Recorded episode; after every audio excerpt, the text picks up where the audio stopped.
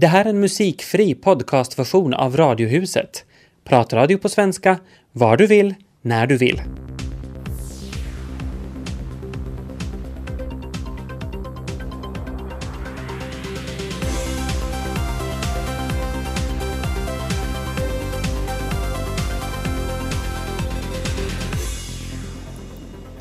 Hej och välkommen till Radiohuset som idag kommer från Björneborg.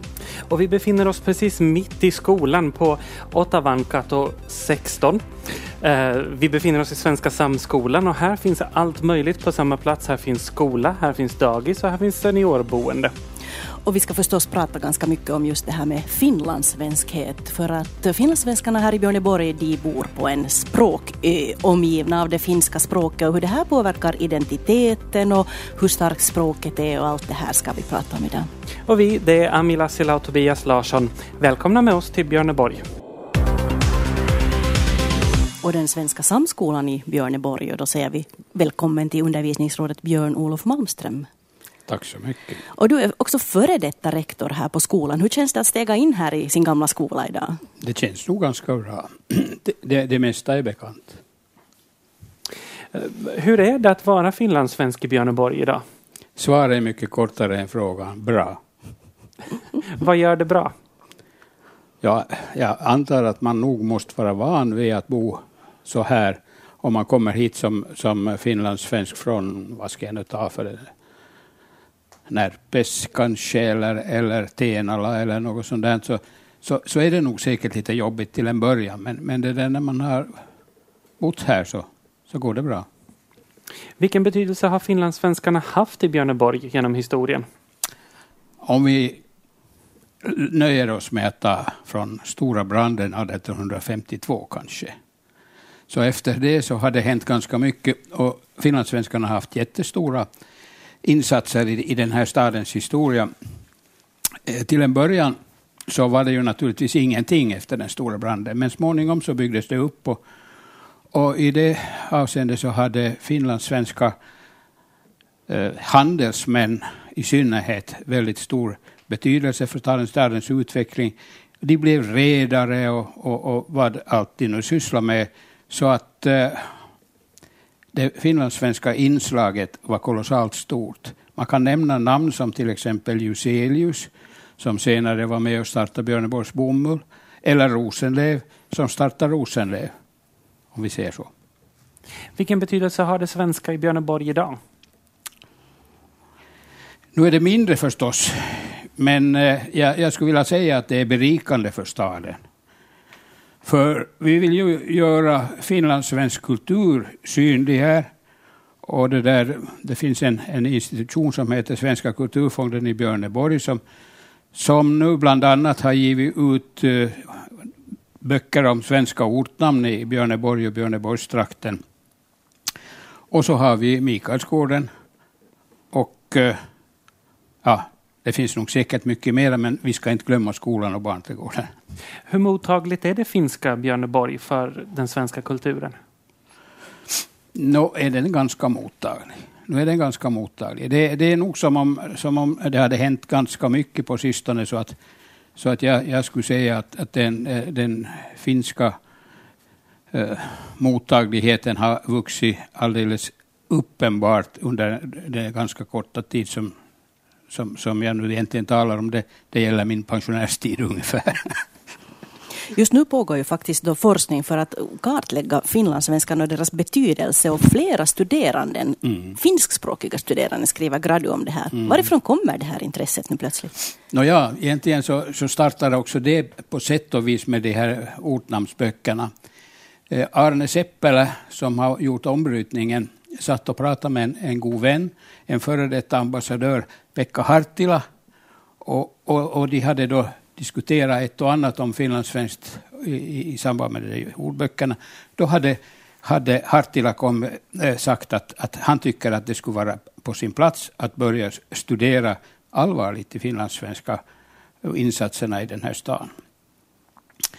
Jag tog kontakt med, med, med det här eh, yliopistokeskus eh, Eh, det här eh, direktör Harry Peltoniemi, han satt i sin bil på väg till Åbo.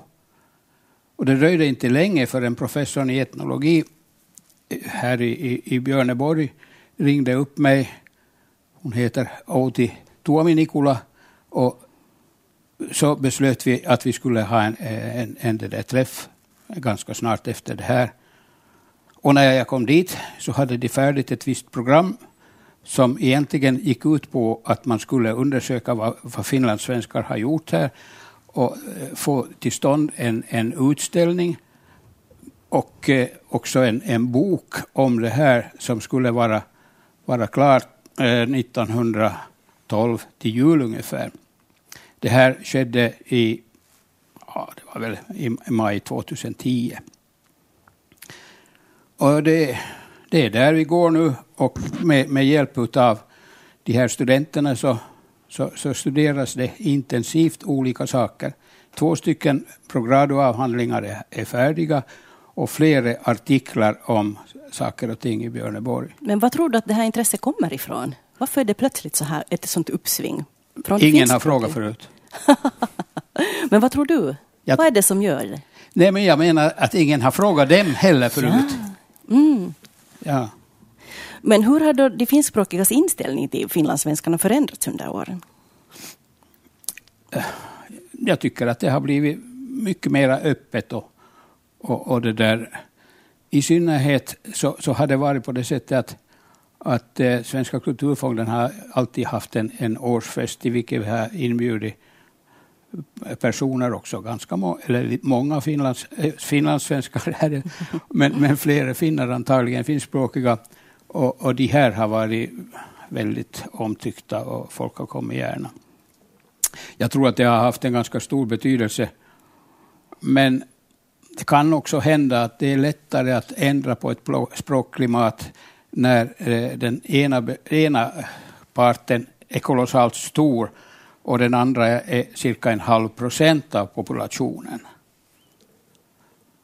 No, hur förhåller sig finlandssvenskarna, den här halva procenten här i stan, till, till majoriteten? Då? Jag, jag tror nog att, att eh, om man nu har varit här någon tid så, så förhåller man sig nog ganska bra och, och anser att det, att det är tydligt, tydligt att man kan leva naturligt och bra tillsammans här. Hur är det att röra sig på stan här om man är svenskspråkig och pratar svenska på stan? Hur, hur blir man bemött? Det kan hända om man är två som talar svenska att någon vänder sig om och tittar på en, men det är ungefär så mycket som man ser. Hur vanligt är det att man blir bemött på svenska tillbaka? Det är inte så alldeles ovanligt. Men, men det är ju det att, att när man sen har bott här en tid, då vet man precis vilka man ska tilltala på svenska. Hur viktigt är det att få prata svenska på stan? Det är roligt. Du har varit rektor för den här skolan i många år. Vilken betydelse har den svenska skolan här i stan? Den har nog en stor betydelse och betydelsen har egentligen blivit större i och med att det är så pass många finskspråkiga barn som numera går i skolan. Det är visserligen så att den här skolan har alltid haft finskspråkiga barn i, i skolan, men, men det där, det är fler nu än någonsin tidigare i proportion. Men jag tror i alla fall att, att just det här är, är, är väldigt viktigt, alltså att, att den här skolan kan fungera för också finskspråkiga som en trivsam och bra skola där man lär sig svenska förutom finska som man ändå har. Så att eh, jag tycker att det är väldigt fint. Jag skulle gärna gå lite tillbaka i tiden och, och berätta om en, en, en sån här episod, eller mer än en episod, det var på 70-talet när, när Björneborg helt plötsligt fick ta emot väldigt många återflyttare från Sverige. Det var ju alltså finska familjer som i stort sett hade farit från, från Rovaniemi landskommun och från Salla och, och de kom tillbaka i stort sett ifrån Göteborgstrakten där de hade jobbat som på, på, på skeppsvarv. Nåja, det betydde att de kom hit till den här skolan. Och det var så mycket att skolans elevantal som hade varit kring 200 helt plötsligt var uppe i 300. 300. Huset var för litet, lärarna var för, för få och man skulle klara det här. Men det gjorde vi. Och det där eh, det, det sparar väldigt mycket bekymmer för, för Björneborgs stad. Så att det här var det här var, var någonting. Och vi har konstaterat att de här återflyttarnas barn och kanske vid det här laget redan barnbarn går i den här skolan nu. Så att eh, jag tror att man kan säga att den här skolan uppskattades. På många håll runt om i det svenskspråkiga Finland så ses det som en problematik om det kommer in för många finskspråkiga barn i en svenskspråkig skola. Hur, hur ser du på det? jag vet inte vad jag ska säga om det. Det, det är ju nog, naturligtvis är det väl ett, ett problem. Men inte vet jag om det, om det är något, ett avgörande problem på något sätt. Det är det nog inte. Men tillbaka till skolan. Vad är det allt som kretsar kring skolan här i Björneborg? Eh, kring skolan kretsar förstås föräldrarna. Och sen deras barn. Och sen har vi en, ett, en barnträdgård som, som matar skolan. Och så kanske man ska kunna säga att, att det rätt mycket idrottsverksamhet bland, bland skolans elever. Då är de förstås i allmänhet nog i, i finska föreningar, finskspråkiga föreningar. Men det kretsar också kring skolan. Det. Hur väl känner då alla varandra, alla svenskspråkiga här i stan? Ja, det vet jag inte. Jag tänkte på när man har, här har, fick vi ju höra också att här har vi ett seniorhus här precis bredvid och där är då Mikaelsgården med dagis och så här skola och idrottsverksamhet och Svenska klubben. Men, men hur pass små är de här kretsarna?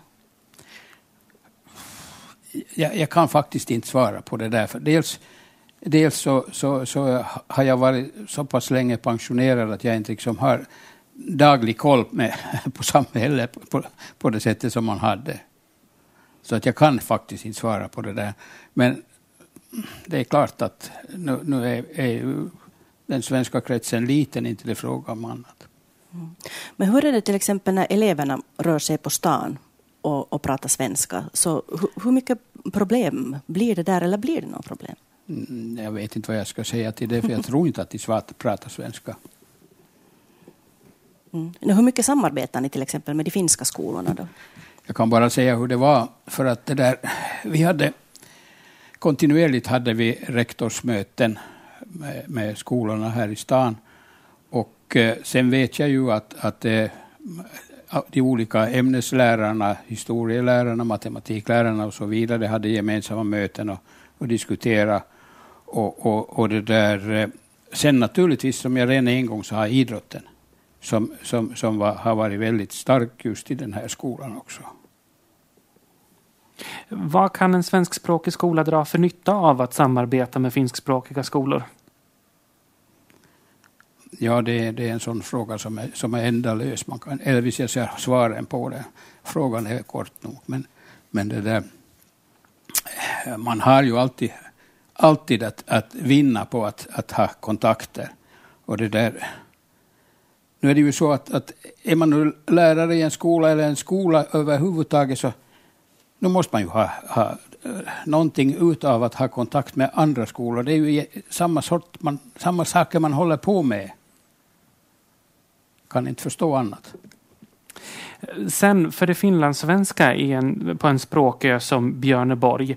Eh, vad, vad är lämpligt att ha som överlevnadsstrategi för att det svenska ska leva vidare? Ja, framförallt ska man ju nog ha kontakt med det lokala samhället. Det är nog A och O. Inte kan man leva vidare isolerat. Och det där, sen så är det ju nog på det sättet att man måste liksom bjuda på det man, vad man har.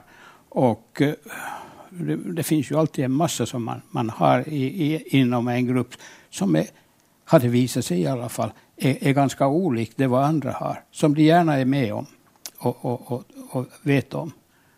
Sen tycker jag också att, att det har varit väldigt viktigt det här att vi har haft kontakt med de andra språköarna. Det är ju i många fall i alla fall liknande, liknande problem man har. Och sen så tycker jag det att eh, så här är det oerhört viktigt att finlandssvenskheten framhävs. Så, sådan den är här och sådan den är annanstans och att vi har liksom kontakter över den här egentligen ganska väsensskilda eh, det där tillvaron som det är fråga om. Tillvarorna. Var ligger risken i om vi, börjar, om vi svenskspråkiga börjar isolera oss i Finland? Ja, det vet jag inte riktigt, men inte är det någonsin bra att isolera sig. Men inte vet jag vad som händer. Inte, men, men åtminstone tror jag att om man, om man vill ha liksom eh, ett, ett bra bemötande så ska man nog synas själv också och positivt, tror jag. Tack så mycket Björn-Olof Malmström, undervisningsråd och tidigare rektor här på Svenska Samskolan i Björneborg tidigt som bara den i morse så tog Radiohusets Amir Asila och Tobias Larsson tåget från Helsingfors via Tammerfors och nu befinner vi oss i Björneborg. Och där tänkte vi att vi skulle smaka lite på stan så vi har gått runt och tittat oss omkring och bland annat tagit en kaffe i saluhallen vilket var en trevlig upplevelse. Och man blir så full av skratt för i saluhallen sitter alltid det här gubbdagiset precis som i alla andra städer och, och funderar på vad som händer. Och då, man undrar bara, var är tanterna någonstans? Ja precis. Var sitter Inga de? Tanter. De sitter säkert hemma och kokar sitt eget kaffe. Mm. Men att ganska mycket människor såg vi här på stan, där var gågatan promenerar vi längs med och så har vi sett en massa statyer också, prominenta björneborgare och så har vi sett Kirurin-låtar där Pori Jazz ska hållas i sommar. Absolut. Och sen så har vi sett dagens höjdpunkt för mig. Eh, torget där det fanns ett litet café som hette exakt det som jag skulle döpt det kaféet till. Poritorg. Vi hälsar välkommen till Kajsa Lövgren. Tack, tack. Du har jobbat många år som frivillig för ett av de stora evenemangen här i stan, nämligen Pori Jazz. Varför jobbar man frivilligt på en sån tillställning? Det är en jättebra fråga faktiskt. Ingen aning. Tänk på det, mitt på sommaren, just när man har semester och allt och man får vila och vara i lugn och ro. Men ja, sen går man frivilligt och jobbar gratis för tio dagar. Man vet inte varför. Kanske det är människor som kommer dit och alla är på bra humör. Och det är någonting helt annat än det hände här i Björneborg i vanlig dag. Hur gick det till när du kom med på Porridjas? Jag är inte från Björneborg. Jag kommer från Rauma och jag tänkte när jag flyttade hit att hur, hur börjar man liksom lära känna folk och liksom, hur hoppar man in i samhället här i Björneborg. Så jag tänkte att ett bra sätt att göra det är att göra någonting roligt. Så därför tänkte jag att, att, att kanske jag kommer med till Borgets. Vad hade du för erfarenheter av Porridjas innan du själv började jobba med det? Ja, jag har varit här en gång när jag var ung. Och vi kom med min kompis och vi gick in till någon konsert. Vi var bara satt där och tittade på folk som gick förbi. Så det var ingenting, ingen riktig jazzupplevelse. Så, så inte så mycket. Jag, jag faktiskt visste ingenting om Porjats tidigare. Men nu när du jobbar med, med festivalen, hur ja. är stämningen där?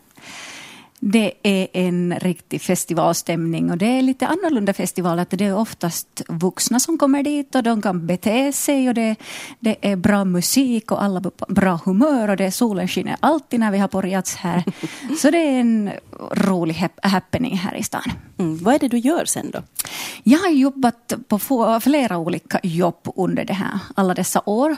Jag har jobbat som en, vi kallar det på engelska ett uh, venue design group. Alltså vi tar hand om så att alla ställen var vi har konsert och var det händer någonting under Poriats så att det är snyggt och det märks att det är Poriats. Så vi har varit en sån inredningsdesigngrupp också. Mm, berätta lite mer om vad, hur, hur, vad du gör där, hur det ser ut, vad du liksom pysslar med så konkret. Och vi, oftast vi tar hand om det här estraden. Att alltid när man tar foto så att det syns att det är fint och allt är liksom i ordning och allt sånt. Så vi har haft, vi använder jättemycket tyg. Så att alltid när man tittar någonting så där är festivalfärger och sen är det festivallogo och sådana stora banderoller och sånt. Så, det, så vi, tar, vi har tagit hand om det alltid. Så det, har, det var ett år. Sen har jag tagit hand om, jag har varit ansvarig för ett konsertställe. Och det, är, det heter alltid LP i år, jag tror det, att det är LP 46 heter ställen. Alltså det är en stor tent. Tält. Tent, tält. Ja. ja. Så jag har varit ansvarig för det hela, hela, liksom, hela saken.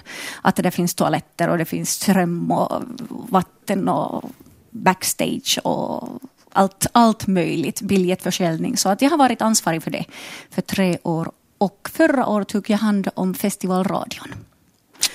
Ja. Nå, vad är det bästa minne som du har från dessa år? Det är faktiskt jättebra sak. Du nämnde att du tänkte komma hit förra sommaren. Mm. Att du ville se Ricky Martin. Och jag har träffat Ricky Martin. ja! alltså det var typ 15 minuter innan showen så Ricky Martin sa att han vill ha en presskonferens. Och jag fick träffa honom och sätta lite frågor åt honom. Och tillsammans med Ilta Sanomat och Helsingin Sanomat. Och sen var det någon lokal, lokal tidning med. Så vi hade en privat sånt här. Hur var det att träffa honom? Han är så snygg och han är så trevlig och han är så, oj oj, han är så gullig. Så han var jättetrevlig. Ja. Jag blir faktiskt lite avundsjuk. avundsjuk, jag Jag skulle, ha velat in, jag skulle ha velat intervjua honom själv nämligen. När han, Ja. när han kommer nästa gång så kan vi komma överens om någonting. Så. Ja, Mm, vi, bra. ja, du är med. Jo. Nå, nu när allt är så underbart och fantastiskt så måste jag ju fråga, vad är det värsta minnet? Jag menar en så här enorm festival med logistik och saker, vad är det värsta?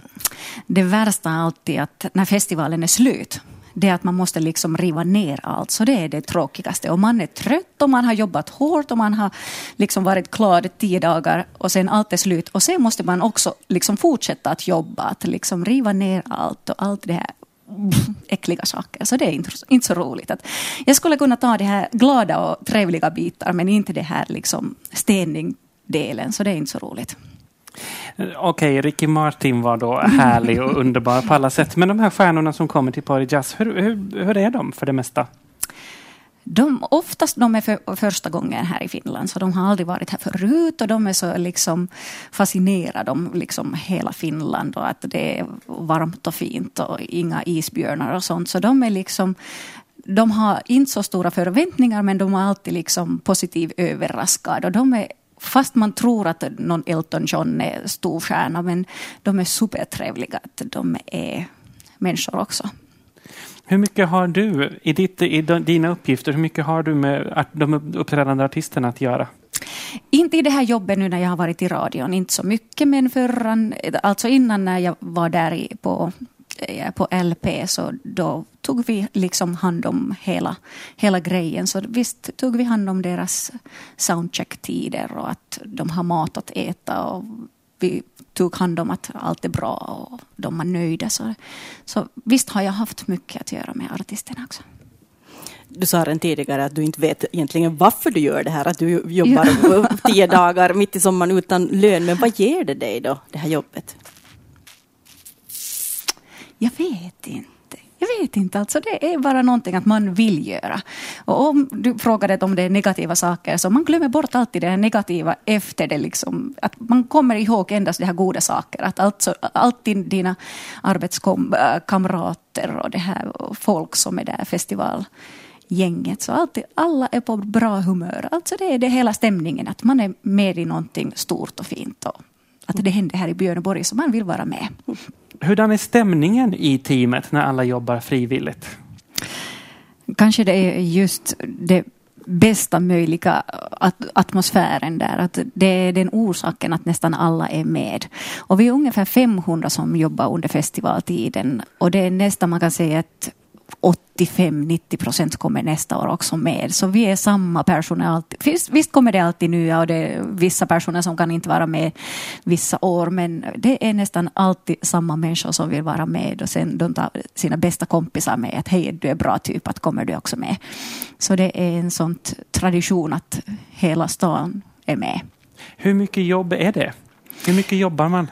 Man jobbar mycket. Men visst har man också arbetstider. Att det brukar alltid lite variera och man kan ha en, en ledig dag däremellan. Det är ju tio dagar att vi har festivalen här i Björneborg. Så det är vissa jobbar typ eh, fyra till sex timmar per dag. Och så är det vissa som jobbar liksom längre tider och sen har man lite två dagars paus. Så det är inte, inte jobbar vi hela tiden för vi också njuta av festivalen lite grann Mm. Hur lätt är det att hålla sig därifrån? Svårt. Fast man är ledig så är man där hela tiden. Att, vad händer här nu? Och jag vill hjälpa till och nu fixar vi. Och så. Fast man har arbetstider så man är här hela tiden. Vad gör du när du inte jobbar med Porias då? Alltså jag jobbar på Viking Line. Jag jobbar som en underhållningsproducent. Alltså jag producerar underhållning för våra sju fartyg. Så det sysslar jag med. Annars, och sen har jag också ett eget företag som heter Succé och jag kan kalla mig att jag är en festfixare. Alltså jag arrangerar olika even- evenemang och köpcentrum, happenings och sånt. Så det är... No, då är du ju på rätt plats på, på, på ja. jazzfestivalen också. ja. Men vad betyder det för stan att ha en festival av det här slaget? Alltså till exempel nästan varje år Porjats har blivit vald att bli Finlands bästa eh, festival. Och så var det också förra, förra sommar och förra år. Så det, det betyder väldigt mycket. Och det, var, det var någon undersökning att tio, det var sju av tio personer visste om Porjats.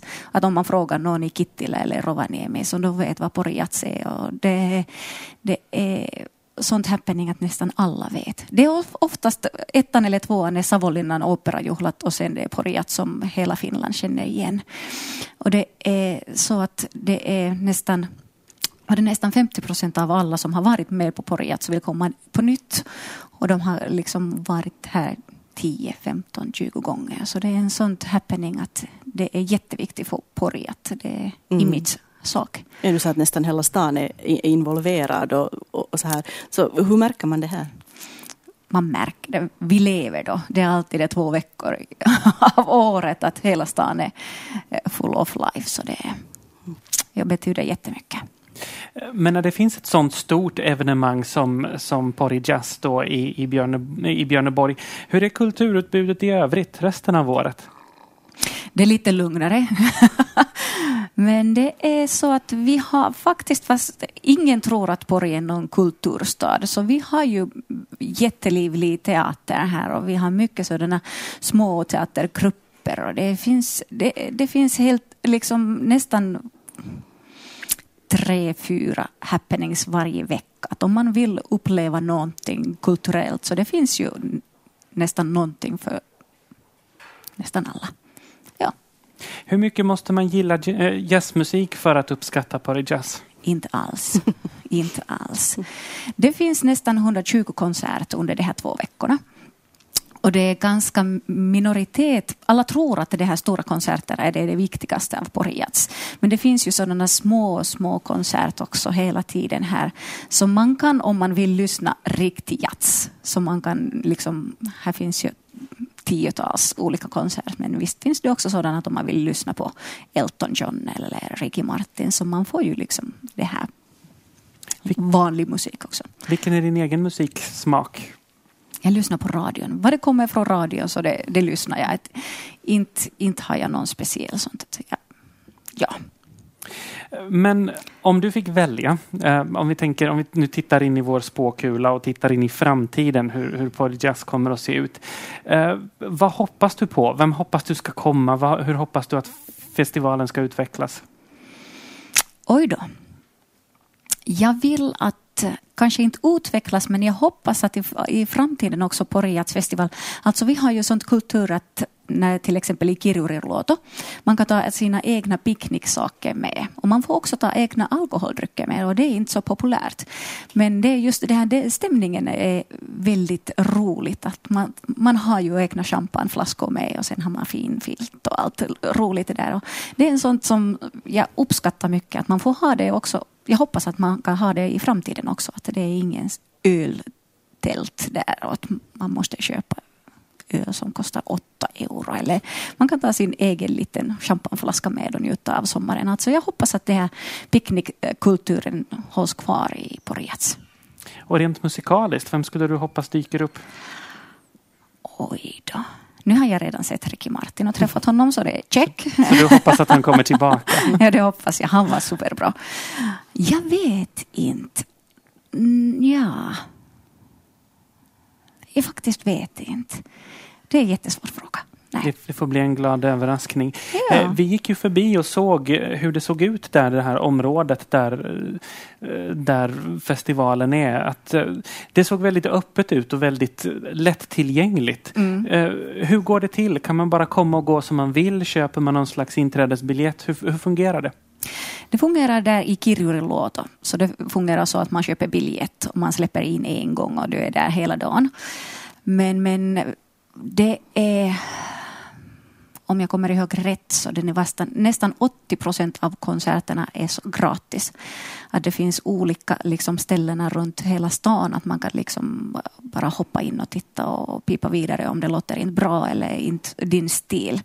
Så det finns ju mycket så att man kan liksom gratis gå och lyssna på att, när man vill och vad man vill lyssna på. Än så länge så var det ju verkligen i vintersömn. Det var is och det var snö. Men man såg mm. de här några paviljonger och någon sån här grön sån här kiosker med grönt tak och så vidare som, som väntar på sommaren. Vad ser du själv fram emot mest nästa sommar? vad ska jag svara? Jag vill ha det ba, bara det bra stämning, att det, den fortsätter. Det är det som jag önskar. Att ingenting stora förväntningar. Jag vill att, att vi kommer att ha en bra festival. Vi vet inte vem kommer att uppträda nästa sommar men vi måste vänta två veckor till så sen är vi lite klokare. Då ska vi hålla utkik efter det. Tack så mycket Kajsa Lövgren för att du kom till oss i Radiohuset som idag befinner sig i Björneborg. Vi befinner oss tillsammans med två stycken elever som går andra årskursen på gymnasiet här. Laura Poron-Aho och Viktor Brenner, välkomna hit. Tack. Tack. Hur är det att vara ung i Björneborg? No, jag skulle säga att det är en ganska finspråkig stad och det är vänner här, och, men svenskspråkigheten är inte så stor här. Det, det är roligt att gå i svenskspråkig skola ändå, skulle jag säga. Jo, absolut. Det är nog jättetrevligt att gå i en svenskspråkig skola. Att fastän Björneborg är en språkö så finskan är ändå liksom ganska stark här. Att det är nog inte mycket svenska här. Mm. Hur är det att växa upp i en sån här finsk omgivning? Då? No, jag, jag kan inte säga, jag har inga jämförelseobjekt för jag har bott här hela mitt liv. Mm, men hur har det varit för dig då? No, jag tycker det är helt normalt liv av en ungdom i Björneborg som bara råkar tala också svenska som annat modersmål. Det är helt okej. Okay. Jo, no, det är just vad Viktor påstod, att man har ju inte något jämförelseobjekt när man har bott hela livet i Björneborg. Så att nu är det helt trevligt. Mm. No, vilket språk pratar ni mest på fritiden? Då? Det är nog finskan. Mm. Ibland med några kompisar svenska nog, men det är nog det mesta finska som gäller här i mm. Björneborg. No, hur är det på stan när ni, när ni rör er? Hur mycket pratar ni svenska på stan? No, ja, finska för det mesta, men en gång har vi prövat och sen, sen frågade vi någonting att kan vi att vad kostar det här? Och typ så, han, så hon frågade bara att, äh, att nu pratar ni finska, nu kan ni finska. Det är det enda. Och det är enda gången ni har ja. prövat? och det blev till, inte efter det. Och ni försökte inte framhärda och säga att nej, nej, att vi vill prata? No, nu försökte vi, men det gick inte så bra då, denna gång. Men om man pratar svenska med någon, när pratar man svenska? I vilket sammanhang? Um, klass, några klasskompisar pratar bara svenska. Och, no, I skolan, men inte så mycket mer.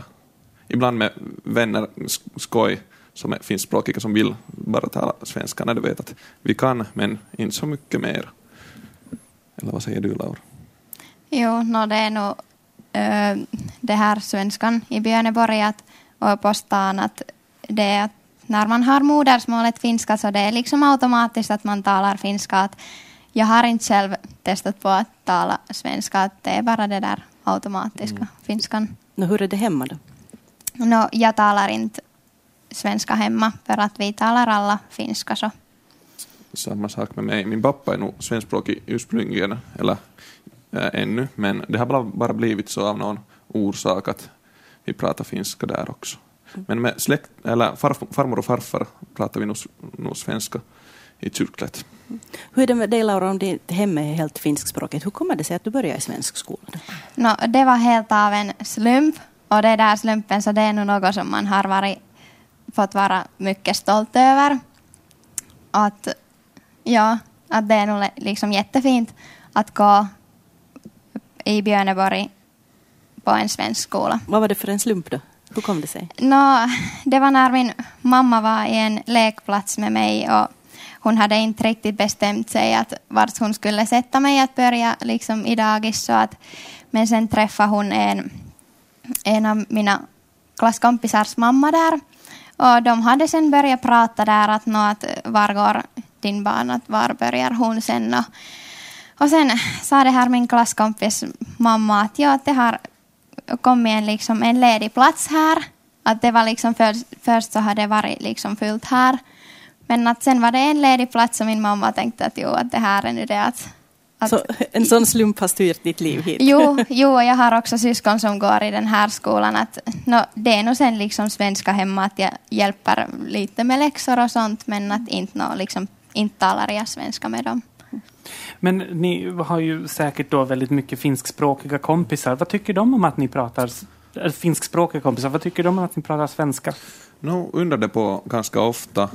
Och till och med jag har hört att det här att är någon av dina föräldrar eh, från Sverige eller vilken del jag hejar på på VM, VM i ishockey, Sverige eller Finland.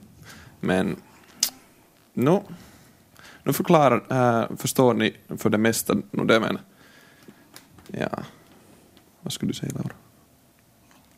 Vad tycker dina kompisar om att, om att du pratar svenska? No, de, de har nog liksom sagt att det är jättefint. Att det var just på hösten så var det här tvångssvenskan mycket framme. Men att inte har de liksom, jag har inte hört något negativt. Att det är liksom dåligt att du talar svenska. Utan de har varit jätte liksom att ja, att hjälp mig med mina svenska läxor och sånt. Att det är nog främst det. Nu vet alla Björneborgare ungdomar att det finns en svenskspråkig skola här. Och det har kanske blivit vanade med det. Så, så det är inte något mer någonting det undrar på så mycket. Men hur viktigt är det för er att, att ni kan gå på skolan eh, på svenska? Det är viktigt på så sätt att det är nog alltid viktigt att man kan båda inhemska språken här i Finland. Jag tycker då. Eh, det är nytta i framtiden. Och, ja. Jo, det är nog jätte liksom viktigt för att just med tanke på framtiden så den öppnar mera dörrar. Att till exempel att fortsätta studera på svenska eller på finska eller sen till och med i Sverige. Att det är nog liksom fint att tala språk. På vilket sätt skulle ert liv vara annorlunda om ni enbart pratar finska? No, jag skulle då vara i en finskspråkig skola. Att no, vännerna skulle kanske sen vara an, andra men att inte något ganska likadant tror jag. Ja, jag, är, jag tycker samma som Laura. Ganska mycket det här, äh, samma men kanske vännerna olika. Mm. Ni talar om det här öppnar dörrar och så. Hur ser ni framtiden då? Va, hur, hur, blir det med studier och, och, jobb och sånt? Jag har inte planerat det ännu men det kan vara att Åbo Akademi äh, som mina båda bror, det här bröder har gått till. Uh, ja, Jo, no det är nog just att jag måste också erkänna att jag inte riktigt vet ännu att alla det har nu liksom frågat mycket men att kanske just i Åbo eller Helsingfors att jag hoppas att det blir på svenska. Mm. För att det är nog liksom att tala språk i, sen tala liksom svenskan och finskan och förstås de där andra språken flytande så det är nog liksom fint och no, någonting som man får vara mycket stolt över. Mm. Du poängterar ganska mycket just det här att det är någonting fint och någonting att vara stolt över. Men hur ser du din framtid? Hur finlandssvensk kommer den att vara? No, det beror på det att om jag skulle just nu börja till exempel i Åbo Akademi så nu skulle den bli ganska finlandssvensk tror jag. Men att ja, man får se. Framtiden visar. Mm. Hur är det, har ni funderat så långt att, att uh, ge språket vidare till barnen? Har ni funderat alls på sådana saker? Nå, inte riktigt när vi är ganska unga ännu så det är med barnen. Nej, sannolikt, men inte har vi tänkt det. Mm. Så värst mycket.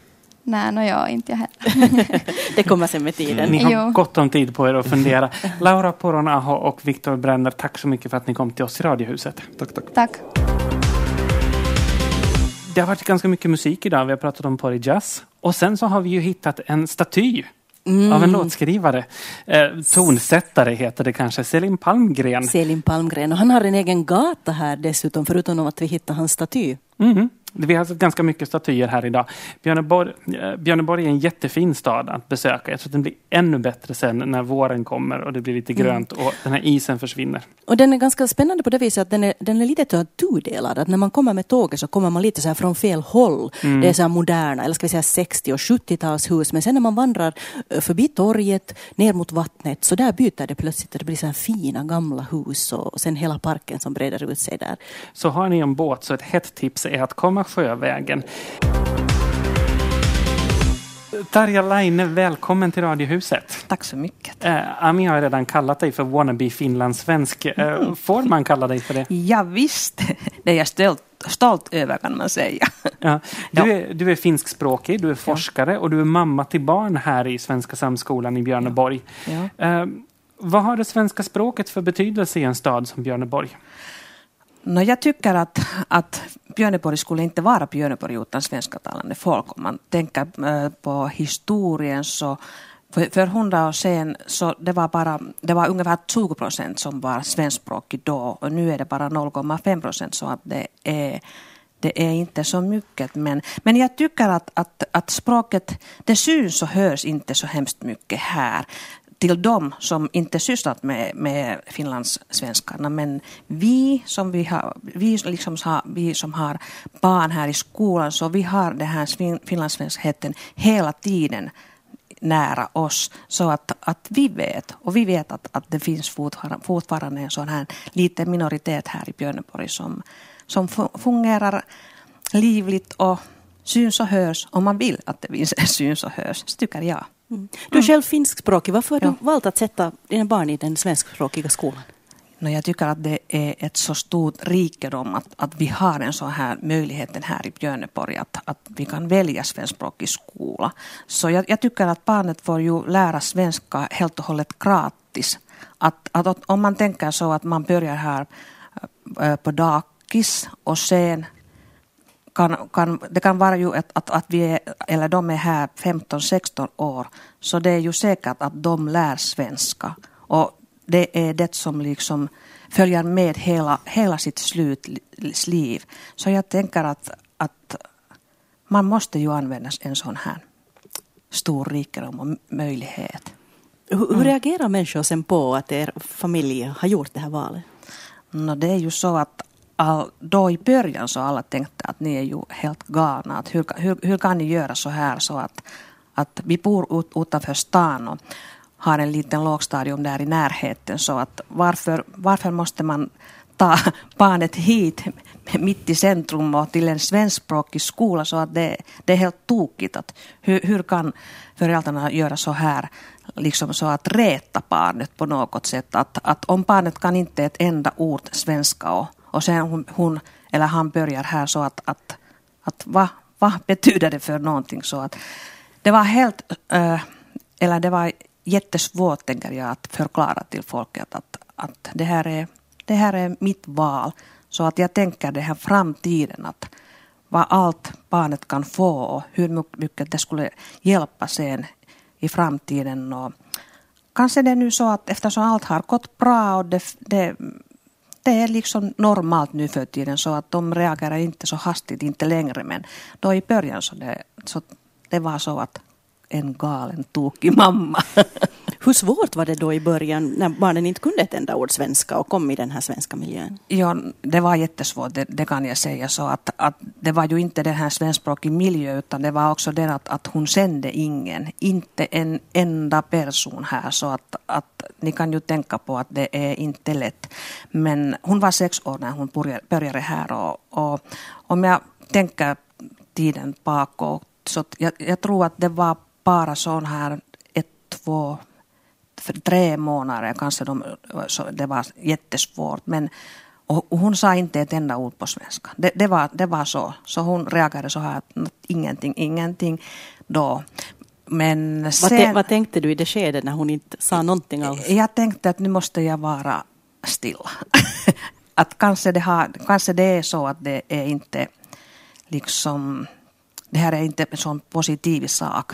Men, men sen tiden gick framåt och sen efter några månader så hon, hon började prata och nu har hon inga svårigheter på sjätte klassen nu för tiden. Och jag tror att hon har gått förbi mig, mig på något sätt att det är ju jättefint eftersom vi kan ju, om vi vill, vi kan ju byta språket till svenska hemma. Det gör, det gör vi då och då. Men hemspråket är ju finska och ska alltid bli tycker jag också. Men, men, men det, det finns. Vi har, vi, vi har den här förmågan att vi, vi kan byta språket om vi vill. Och det är ju jättefint.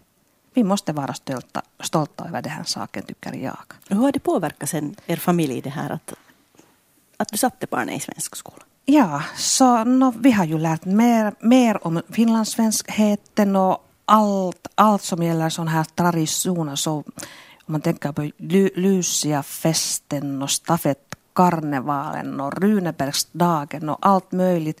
Så utan den här skolan så skulle vi inte veta någonting om den här saken. Så att allt som är lite annorlunda kultur tycker jag så det är intressant och jag hoppas att min dotter när hon är någonstans utomlands ända någonstans så att, att, att hon, hon tänker att tack mamma att du gjorde så här. Hoppas så. Men vad har det gett dig personligen att komma in i det finlandssvenska? Um, ja, no, på praktiskt taget kan jag, jag har ju fått en massa nya bekanta, du vet, och, och allt, allt.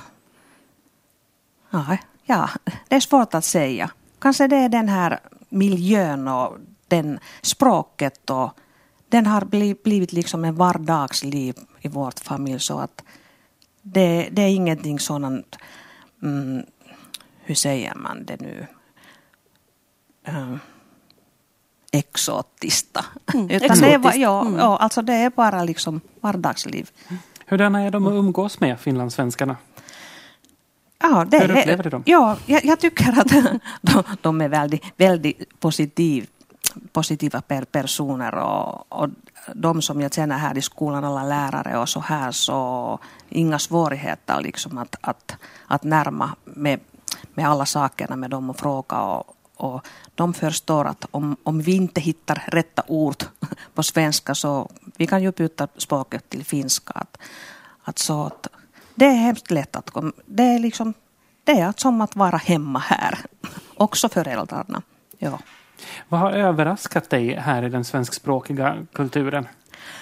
Uh, kanske den är den här gemenskapheten så att jag tycker att, att det syns ut bättre om man tänker på finlandssvenskarna att det är inte likadant om man tänker vanliga, eller hur säger man det? Men ändå, så jag tycker att, att de har sån en positiv livsattityd på något sätt och de lär mycket och, och ja, jag har ingenting bad att säga.